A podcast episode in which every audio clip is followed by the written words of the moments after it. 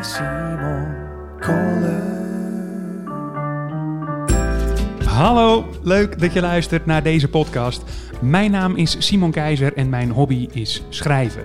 Niet alleen muziek, maar ook columns. Zo heb ik ooit een columnbundel uitgebracht onder de noemer Ik en Simon en verschijnt er maandelijks een column van mijn hand op linda.nl. Maar ik schrijf er meer en om die niet op de figuurlijke plank te laten belanden, ben ik deze podcast gestart. Ik ga dieper op deze onderwerpen in binnen mijn videopodcast die wekelijks op het Ik en Simon YouTube kanaal verschijnt. Misschien leuk om daar eens een kijkje te nemen. Maar goed, tijd voor de column. Haatje. Mijn Noordzeekrab met waterkers wordt geserveerd. Door de ober wordt erbij vermeld dat het de specialiteit van de chefkok is en dat hij zich later nog even zal komen voorstellen. Het gerecht ruikt heerlijk. Dit is misschien wel het mooiste moment van de week. Of nee, het belangrijkste. Toen onze dochter op aarde kwam, kregen we van vrienden de nieuwe tien geboden aangereikt. Op één stond, onderstreept, gij zult één keer per week een avondje met z'n tweeën organiseren. Ik neem een hap. Goddelijk. Bij het lezen van die tien geboden begreep ik nog niet de urgentie. Nu wel.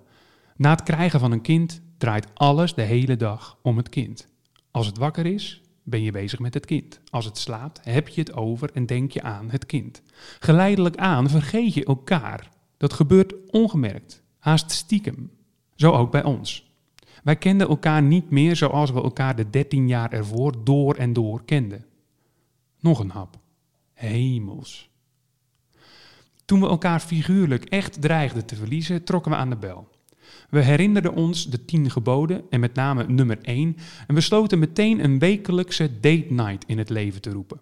Elke donderdagavond komt de oppas en neem ik Anne, of Anne neemt mij, mee uit eten. Vaker Anne mij.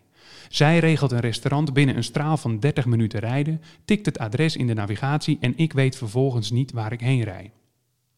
Ik maak me klaar voor hap 3 als ik, net voordat ik die in mijn mond stop, een klein krullend haartje zie. Wat sterk is aan de date night is dat de gesprekken weer over ons tweeën gaan. Weer even terug naar de basis. Als die basis namelijk niet in orde is, zal dat zijn weerslag hebben op het gezin. Vaak komen we weer helemaal opgeladen thuis. Duizendmaal excuses, deze zal uiteraard niet in rekening worden gebracht, zegt de ober. Ik vind het goed.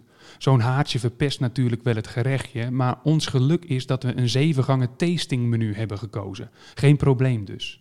Wel zuur voor de chefkok natuurlijk dat het haartje uitgerekend in zijn specialiteit verborgen zat. Ook hij komt uitgebreid zijn excuses maken.